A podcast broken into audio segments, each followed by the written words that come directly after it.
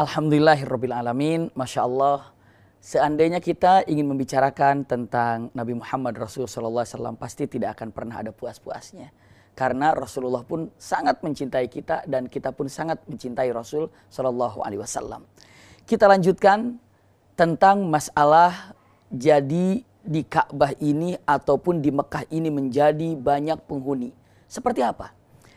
Sebelumnya kita ketahui bagaimana Adam alaihissalam mendirikan pondasi Ka'bah. Dan ternyata pondasi Ka'bah yang telah didirikan oleh Adam di zaman Nabi Nuh alaihissalam itu semuanya terendam dengan air. Karena bumi ini semua terendam dengan air dan hancurlah Ka'bah yang telah didirikan oleh Nabi Adam alaihissalam. Maksudnya ada tertimbun dan rata kembali dan yang tersisa hanyalah pondasi yang didirikan oleh malaikat.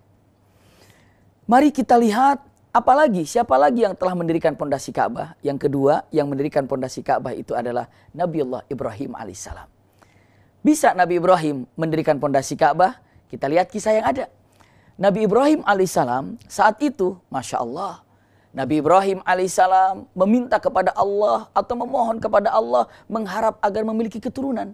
Dan ternyata Allah berikan keturunan dari Nabi Ibrahim alaihissalam ini memiliki dua putra yang soleh dan dua-duanya adalah nabi. Dari Siti Sarah namanya adalah Nabi Ishak dan dari Siti Hajar namanya adalah Nabiullah Ismail alaihissalam. Allahu Akbar. Dua nabi ini Masya Allah menjadi nabi yang benar-benar berpengaruh dalam kehidupan dunia ini. Kita lihat dulu tentang Nabi Ismail alaihissalam yang berkaitan dengan Ka'bah. Nabi Ibrahim alaihissalam ketika memiliki putra yang sangat dicintainya, siapa? Ismail alaihissalam tiba-tiba Allah berikan apa? Perintah. Perintahnya apa? Untuk meninggalkan Nabi Ibrahim di satu tempat yang mana tempat ini biwadin ghairi zar'in. Kalau dalam Al-Quran dikatakan biwadin ghairi zar'in. Maknanya adalah di satu lembah yang mana lembah ini tidak ada kehidupan apa pun. Maksudnya apa? Tidak ada tumbuhan, tidak ada air, bahkan rasa-rasanya mustahil ada kehidupan dan orang senang tinggal di sana. Karena gersang sekali. Sangat gersang sekali. Namun atas perintah Allah Subhanahu wa taala Nabi Ibrahim kokoh, kuat, siap untuk meninggalkan keluarganya di tempat yang tandus seperti itu. Subhanallah. Dan apa yang telah terjadi kepada Nabi Ibrahim dengan kekuatan yang ada, ternyata bukan Nabi Ibrahim saja yang diuji, pun istrinya. Siapa? Hajar. Sehingga Nabi Ibrahim ini sangat terkenal kalau ada ujian dari Allah Subhanahu wa taala tanpa sulit, tanpa susah langsung dikerjakannya.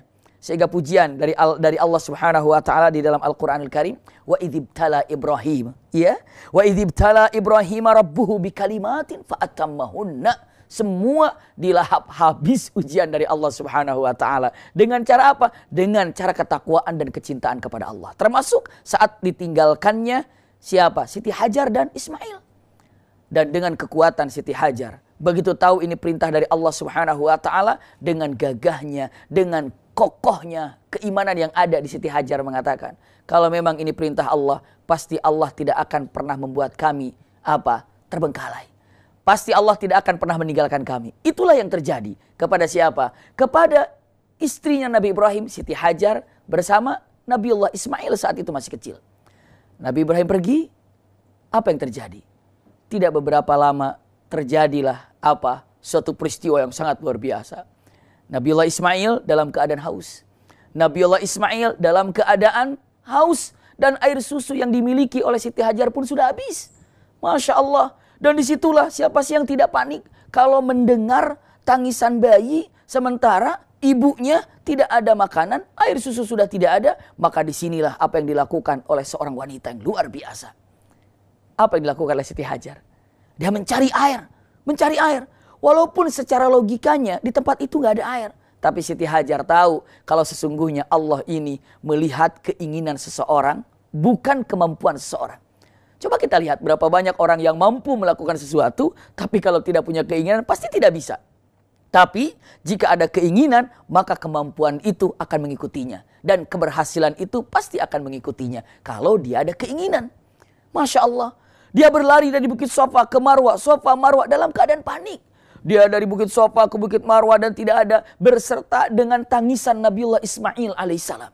Ya Allah, lihat dalam tangisan yang luar biasa ini, tiba-tiba Allah mengutus malaikat Jibril untuk mengepikkan sayapnya pas di kaki Nabiullah Ismail dalam tangisannya.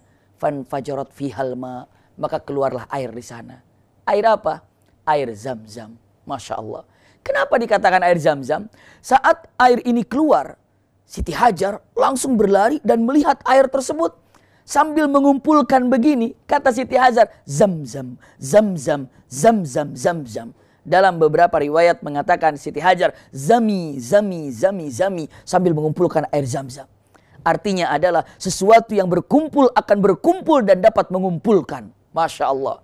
Sesuatu yang berkumpul dan dapat mengumpulkan. Ya Rab itu makna yang sangat agung sekali. Ternyata apa? Ternyata benar-benar terbukti dengan makna zam-zam itu sendiri. Apa coba? Allahu Akbar. Begitu air itu sudah ada, dipeganglah Nabiullah Ismail oleh Siti Hajar. Diberikan minum air zam-zam dan ini punya keistimewaan tersendiri air zam-zam. Insya Allah nanti di Terang Jakarta kajian Sirah The Series kita akan bahas juga air zam-zam seperti apa. Insya Allah. Namun kita lihat apa yang terjadi kepada Siti Hajar dengan Nabiullah Ismail. Hiduplah berdua dengan hanya makan dan minum air zam-zam. Loh, kenapa air zam-zam dikatakan makan? Karena air zam-zam ini dalam kalimatnya Rasulullah mengatakan al-zamzamu lima syuribalah. Air zam-zam ini tergantung niat apa yang diinginkannya. Kalau niat minum air zam-zam ingin kenyang, tidak lapar, maka air zam-zam dapat mengenyangkan. Masya Allah. Makanya kalau untuk air zam-zam para ulama, makan air zam-zam. Katanya demikian. Kenapa? Lima syuribalah. Wallahu alam. Hal yang terindah dalam keadaan seperti ini ada satu peristiwa yang luar biasa. Peristiwa apa? Peristiwa yang terjadi di Yaman. Peristiwa di Yaman apa? Karena yang namanya asli orang Arab itu adalah dari Yaman. Orang-orang Yaman ini, asli Arab ini, selalu berpergian pergi ke sana kemari. Musafir. Apa sih orang Arab ini musafir? Untuk apa mereka berpergian? Jawabannya hanya satu, mencari curah air. Dan dengan cerdasnya orang Arab ini, mereka ini melihat di bintang, melihat ke langit. Mereka sangat tahu di mana curah hujan hujan akan turun, di mana hujan akan turun, mereka berburu air, berburu air, berburu air. Dan ternyata ada satu kabilah Arab yang terbaik akhlaknya yang tersopan daripada tutur katanya yakni adalah kabilah Jurhum. Ingat, kabilah Jurhum. Kabilah Jurhum sedang mencari air, tiba-tiba dia melihat di atas langit itu ada apa? Ada burung yang sedang terbang gitu, berkumpul burung itu. Lalu kata kabilah Jurhum dengan mengatakan, "Wallahi ma ahidna illa fi hilma." Demi Allah, kami kalau melihat burung sebanyak itu, imma di bawahnya ada bangkai ataupun ada air. Tapi kalau dilihat burung yang tidak memakan bangkai ada di sana. Berarti di sana ada apa? Air. Coba teliti.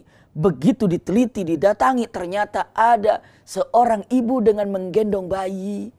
Masya Allah dan di depannya ada air. Lihat.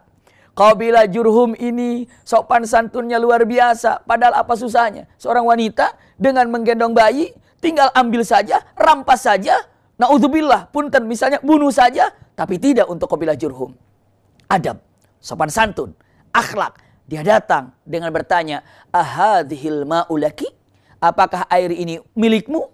Iya. Iya ini air milikku. Lalu dengan mengatakan, bolehkah kami minta? Silakan. Maka dengan diamnya kabilah Jurhum di sana dan air tidak pernah habis. Lalu mereka mengatakan, wahai Hajar, izinkan kami tinggal di tempat ini untuk menikmati air zam-zam atau air yang ada. Lihat kata-katanya. Iya, dan kami akan jamin kehidupanmu dan anakmu di mana? Di tempat ini. Masya Allah. Lihat Allah kirimkan satu kabilah yang terbaik di Arab. Kabilah Jurhum. Untuk apa? Untuk mendampingi Siti Hajar bersama putranya Nabiullah Ismail. Jadi apa yang terjadi? Yang terjadi ternyata Nabiullah Ismail dibesarkan, dididik oleh kabilah Arab yang terbaik. Kabilah Jurhum. Gaya bahasa Arabnya Arab Jurhum. Akhlaknya akhlak Jurhum. tata caranya, adabnya, sopan santunnya. Ini adalah hasil didikan daripada kabilah yang terbaik yang ada di Arab, yakni adalah kabilah Jurhum. Mulailah Mekah ini menjadi perkampungan kecil. Karena apa? Air zam-zam. Bukankah zam-zam itu sesuatu yang berkumpul dan dapat mengumpulkan? Sampai hari ini ribuan orang datang ke sana. Kenapa? Pertama kali awal mulanya karena zam-zam. Karena zam-zam. Masya Allah, kumpulah di situ. Kenapa? Karena orang-orang jurhum mengatakan kita kan keluar ke sana kemari mencari air. Kalau air sudah ada, kenapa kita harus mencari lagi? Itulah kenyataan yang indah. Masya Allah. Jadilah tempat Mekah ini jadi perkampungan.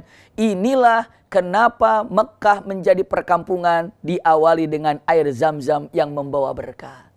Datanglah Nabi Ibrahim. Ke mana? Datang ke Mekah Nabi Ibrahim Lalu diperintahkannya oleh Allah untuk mendirikan pondasi Ka'bah. Pondasi Ka'bah yang mana? Pondasi Ka'bah. Di mana sih letaknya antara pondasi Ka'bah dengan air Zam-Zam? Berdekatan sekali. Sangat dekat sekali. Tidak jauh dari dari dari Ka'bah, dari Ka'bah ke sumur Zam-Zam itu sangat dekat sekali. Mungkin tidak lebih daripada 10 meter atau 7 meter. Dekat sekali. Ternyata didirikanlah oleh siapa? oleh Nabi Ibrahim dan Nabiullah Ismail alaihissalam. Jelas Al-Quran pun mengatakan kata-kata yang sangat indah sekali dengan menyebutkan wa id yarfa'u Ibrahimul qawa'ida minal baiti wa Ismail. Ingatlah ketika Nabi Ibrahim dan Nabi Ismail meninggikan kembali pondasi Ka'bah. Berarti pondasi Ka'bah yang kedua yang kedua didirikan oleh Nabi Ibrahim alaihissalam. Dan di situlah Nabi Ibrahim mendirikan Ka'bah bersama Nabiullah Ismail alaihissalam. Dan dari situlah keturunan-keturunan Nabi Ibrahim khususnya Nabi Ishak memiliki putra. Siapa? Yakub alaihissalam. Yakub memiliki putra. Siapa? Yusuf alaihissalam. Dari Nabi Yusuf terus turun, turun, turun, turun, turun menjadi nabi, nabi, nabi, nabi. Diakhiri dengan nabi siapa? Nabi Isa alaihissalam. Nabi Isa alaihissalam dari sejak Nabi Isa alaihissalam karena punten Yahudi ini senangnya membunuh para nabi. Nabi Isa dikejar-kejar untuk dibunuh oleh siapa? Untuk Yahudi, untuk dibunuh oleh Yahudi. Sebelumnya Nabi Yahya telah dibunuh oleh orang-orang Yahudi. Sebelumnya Nabi Zakaria telah dibunuh oleh orang-orang Yahudi. Dikejar juga Isa alaihissalam untuk dibunuh oleh orang-orang Yahudi. Apakah berhasil orang Yahudi membunuh Nabi Isa alaihissalam? Pastinya tidak.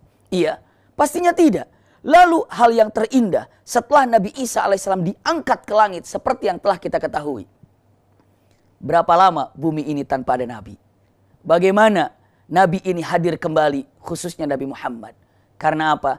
Karena walau bagaimanapun Nabi Muhammad ada karena atas doa Nabi Ibrahim alaihissalam.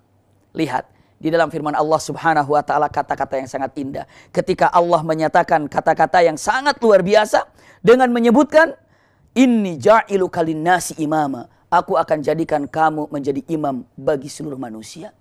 Tiba-tiba Nabi Ibrahim mengatakan, wa min dzurriyyati. Tolong ya Allah pilih juga dari turunanku untuk menjadi manusia, menjadi imam bagi manusia. Itulah harapan Nabi Ibrahim alaihissalam. Sehingga Nabi Ibrahim berdoa demikian, Rasulullah pun menjawab, aku ada karena doanya Ibrahim alaihissalam. Apakah Nabi Isa alaihissalam diangkat oleh Allah, benar diangkat oleh Allah. Tapi perkiraan mereka bagaimana orang-orang kafir saat itu Yahudi. Apakah meyakini Nabi Isa diangkat atau Nabi Isa dibunuh? Insya Allah kita lanjutkan. Alhamdulillah.